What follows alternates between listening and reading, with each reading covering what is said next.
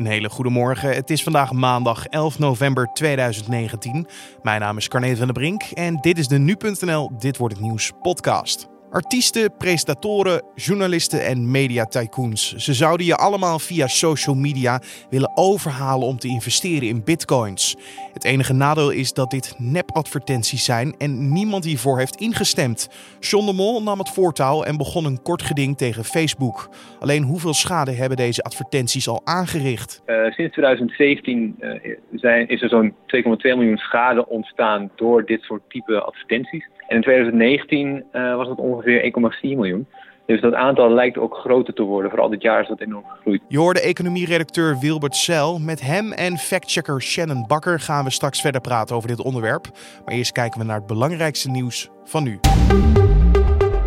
Voormalig stafchef John F. Kelly en ex-minister van Buitenlandse Zaken Rex Tillerson werkte de Amerikaanse president Donald Trump bewust tegen.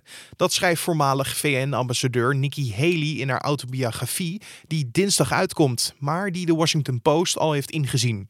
Haley beweert dat de mannen wilden samenwerken met haar om Trump te ondermijnen, maar dat zij dit weigerde. Volgens haar probeerden de politici het land te beschermen. Volgens Tillerson zouden er doden vallen als Trump niet in de gaten zou worden gehouden. Tillerson en Kelly vinden dat Trump niet weet wat hij aan het doen was en dat hun keuzes beter waren voor de Verenigde Staten. Tillerson weigerde een reactie te geven aan de Washington Post en Kelly zegt dat hij altijd probeerde goed geïnformeerde keuzes te maken. De oostelijke provincies van Australië hebben maandag de noodtoestand uitgeroepen in verband met de zware bosbranden. Sinds vrijdag zijn drie mensen om het leven gekomen door de branden en ruim 150 woningen zijn verwoest. De natuurbranden zullen naar verwachting nog zwaarder worden de komende dagen. Maar door een bijzonder droge winter ziet het land meer branden dan gebruikelijk voor deze tijd van het jaar. De brandweer denkt dat in december, januari en februari de branden nog kunnen toenemen. Dat zijn namelijk de Australische zomermaanden. Actiegroep Kick-Out Zwarte Piet heeft voor volgende week de agenda schoongeveegd om zich te focussen op het beschermen van eigen demonstranten.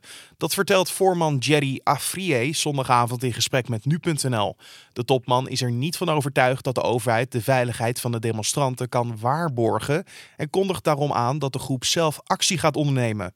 In de aankomende weken is de actiegroep naar eigen zeggen bij 12 Sinterklaas-intochten aanwezig om te demonstreren tegen Zwarte Piet.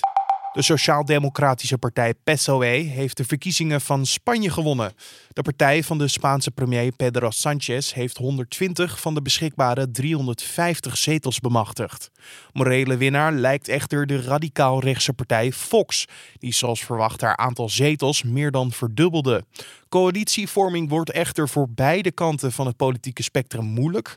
Een rechtse regering zou volgens deze uitslag tientallen zetels tekortkomen voor een meerderheid.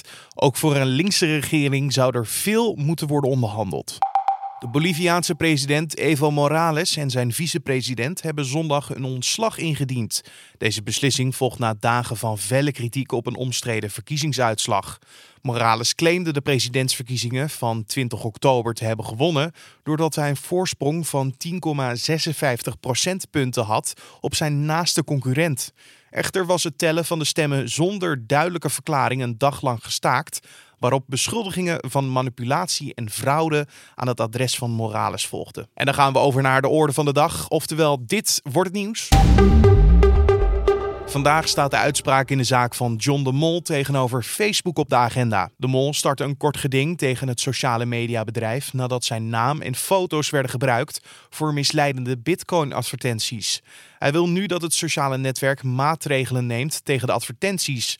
Economieredacteur Wilbert Sel was bij de vorige zitting aanwezig en kan ons er alles over vertellen. Het draait eigenlijk om nep-advertenties waarin mensen wordt beloofd dat ze rijk worden door investeringen in Bitcoin mensen die op Facebook komen voor andere media, uh, die hebben het waarschijnlijk wel eens gezien. Een beetje vreemde advertenties met een foto van een BN'er en een tekst dat ze nu echt uit de doeken uh, gaan doen hoe hij of zij uh, rijk is geworden via cryptovaluta. Nou, en als je vervolgens op die advertentie klikt, dan krijg je het aanbod om te investeren om ook rijk te worden.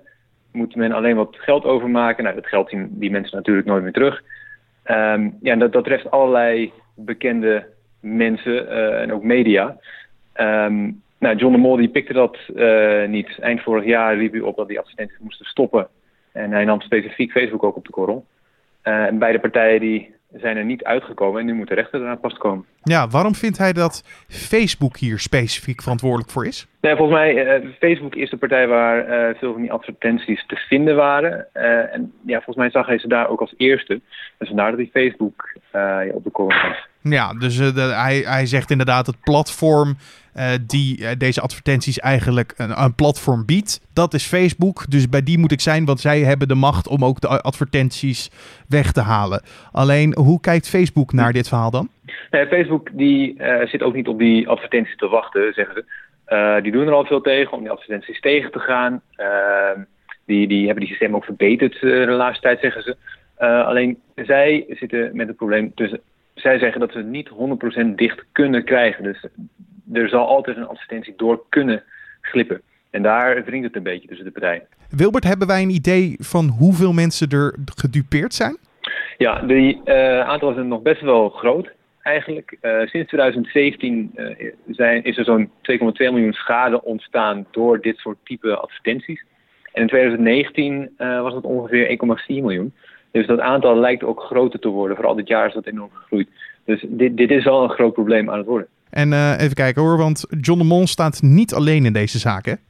Nee, nou, in, in, principe in de zaak staat hij wel alleen. Het kan niet zomaar, ehm, mensen kunnen zich niet zomaar voegen in deze zaak, maar een groepje BN'ers heeft zich wel bij hem aangesloten. Die, die steunt hem wel. Dat gaat om, zoals Alexander Klupping bijvoorbeeld. Er zijn een hele reeks uh, mensen die, die worden gebruikt in uh, die advertenties. Uh, en dat aantal wordt ook steeds groter, lijkt het. Ook internationaal zijn er nu zaken gestart. Um, en die fraudeurs gebruiken eigenlijk constant nieuwe methodes, nieuwe mensen, bekende mensen om met andere mensen om de tuin te leiden. Want wat verwacht hij van Facebook? wat voor actie wil hij dat ze ondernemen? Ja, en de mol is vrij duidelijk erin. Hij wil dat de advertenties stoppen, dat uh, ook in de toekomst geen advertenties meer worden getoond. En hij wil de gegevens van de partijen die achter die nepadvertenties zitten. Facebook zegt aan de andere kant dat ze dus al heel veel doen om die advertenties tegen te houden. Uh, maar dat ze dat niet 100% dicht kunnen maken. Uh, aan de andere kant wil het bedrijf ook wel de gegevens van die personen overhandigen. Maar, zegt Facebook dan, dan moet de rechter daartoe uh, bevel geven. De rechter moet dan bepalen dat Facebook dat doet. Dat gaat Facebook zelf niet vanuit zichzelf doen. Is het realistisch dat Facebook iets kan doen aan deze oplichters? Je mag natuurlijk van een uitgever zoals Facebook verwachten dat ze iets doen om die advertenties tegen te houden. Uh, ze zeggen dat ze dat ook doen, ze zeggen ook dat het uh, wordt verbeterd, maar de praktijk leert ook bij andere uitgevers dat het heel moeilijk is om al die advertenties tegen te houden. Sommige mensen adverteren die vinden steeds nieuwe manieren om die controles te ontlopen. Uh, die controles worden vervolgens aangepast, vervolgens er worden weer andere wijzen gevonden waarop die advertenties toch gaan komen. Ja, en uiteindelijk uh, wordt een soort kat-en-muisspel tussen de uitgever en zo'n zo'n nepadvertentie. Um, ja, en dan, dan kan het wel eens gebeuren dat er iets uh, tussendoor glipt. Dat was economieredacteur Wilbert Cel en ook tevens het Nederlandse verhaal. Maar naast deze zaak hoor je ook vaak over internationale problemen. Nu checkt redacteur Shannon Bakker is momenteel in Amerika voor een Facebook-meeting. Daar sprak zij met verschillende factcheckers van andere landen die deze advertenties ook zeker herkennen. Nou ja, wat inderdaad ter sprake kwam is dat dit een probleem is dat niet alleen in Nederland speelt. Uh, onder andere de Australische uh, factcheckers gaven aan dat ze Bitcoin-advertenties uh, heel vaak uh, tegenkomen. Net Bitcoin-advertenties uiteraard eigenlijk hetzelfde type als wat wij hier in Nederland zien. En ook van een Noorse collega zag ik dat, dat zij er ook last van hebben. En dat de advertenties zelfs eigenlijk precies hetzelfde eruit zien uh, als de Nederlandse, alleen dan met een Noorse beroemdheid uh, en, en een Noorse tekst. Maar de tekst lijkt letterlijk vertaald te zijn en het lijkt exact dezelfde strategie. Dus in meerdere landen te zijn. Jij bent de factchecker voor nu.nl. Wat uh, merk jij ja. in, met jouw werk rond deze advertenties? Ja, het, het, verschilt heel erg per periode. Wat ik doe is, we hebben een samenwerking met Facebook, waardoor als, ding, als mensen dingen als nepnieuws rapporteren, dan zie ik dat in een soort dashboard. Uh, dus dan zie ik losse berichtjes van, hey, dit zou misschien wel nepnieuws kunnen zijn. Daar zitten heel soms ook Bitcoin-advertenties tussen. Uh, en als ik die zie, want we weten uh, dat ze nep zijn, we kunnen inmiddels herkennen dat wordt niet daadwerkelijk bitcoin verkocht, dan uh, geef ik inderdaad een linkje bij met een artikel van nu.nl waarin we uitleggen wat nep bitcoin advertenties zijn.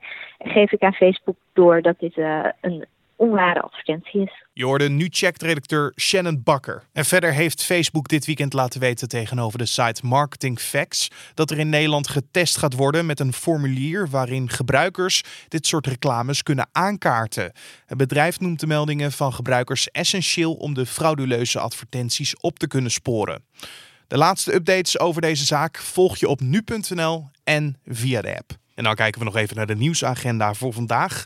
Turkije begint naar eigen zeggen vandaag met het terugsturen van opgepakte strijders van Islamitische Staat naar hun land van herkomst. Het gaat om IS-strijders die Turkije eerder heeft opgepakt in Noord-Syrië tijdens de militaire operatie daar. De Nederlandse Nationaal Coördinator Terrorismebestrijding en Veiligheid heeft gezegd dat er 20 volwassenen en 30 kinderen met de Nederlandse nationaliteit door de Turken zijn opgepakt.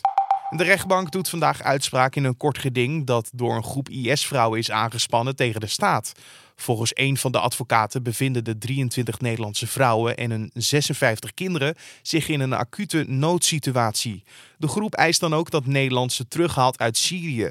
Het is echter niet mogelijk om alleen de kinderen terug te halen, omdat het internationale recht niet toestaat dat zij gescheiden worden van hun ouders.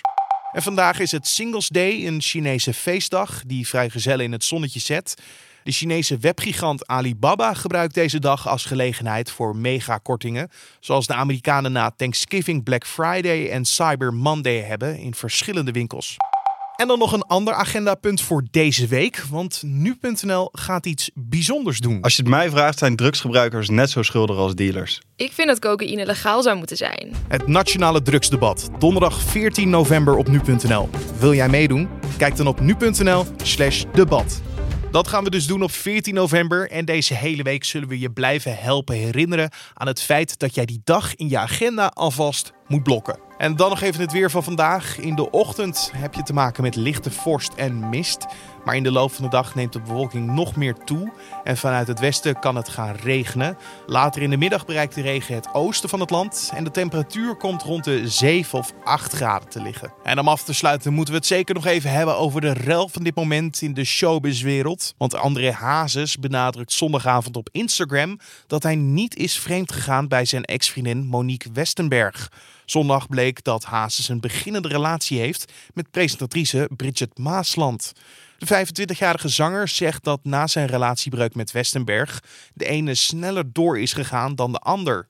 Hazes zegt zijn ex een bericht via WhatsApp te hebben gestuurd om haar geen valse hoop te geven. In dat bericht kondigde hij aan dat hij een andere vrouw had ontmoet. En het management van Maasland zei tegenover nu.nl dat de relatie met Hazes nog heel pril is, maar dat ze elkaar zeker zien. En dit was dan de Dit wordt het nieuws podcast voor deze maandag 11 november. Je kan ons laten weten wat je van deze podcast vindt eh, door een mailtje te sturen naar podcast.nu.nl of een recensie achter te laten in iTunes. Deze podcast kan je elke maandag tot met vrijdag om 6 uur ochtends op de voorpagina van nu.nl vinden.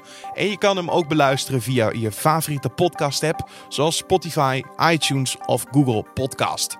Mijn naam is Carne van der Brink. Voor nu wens ik je een hele fijne dag en wij zijn er morgenochtend weer. Dus tot dan.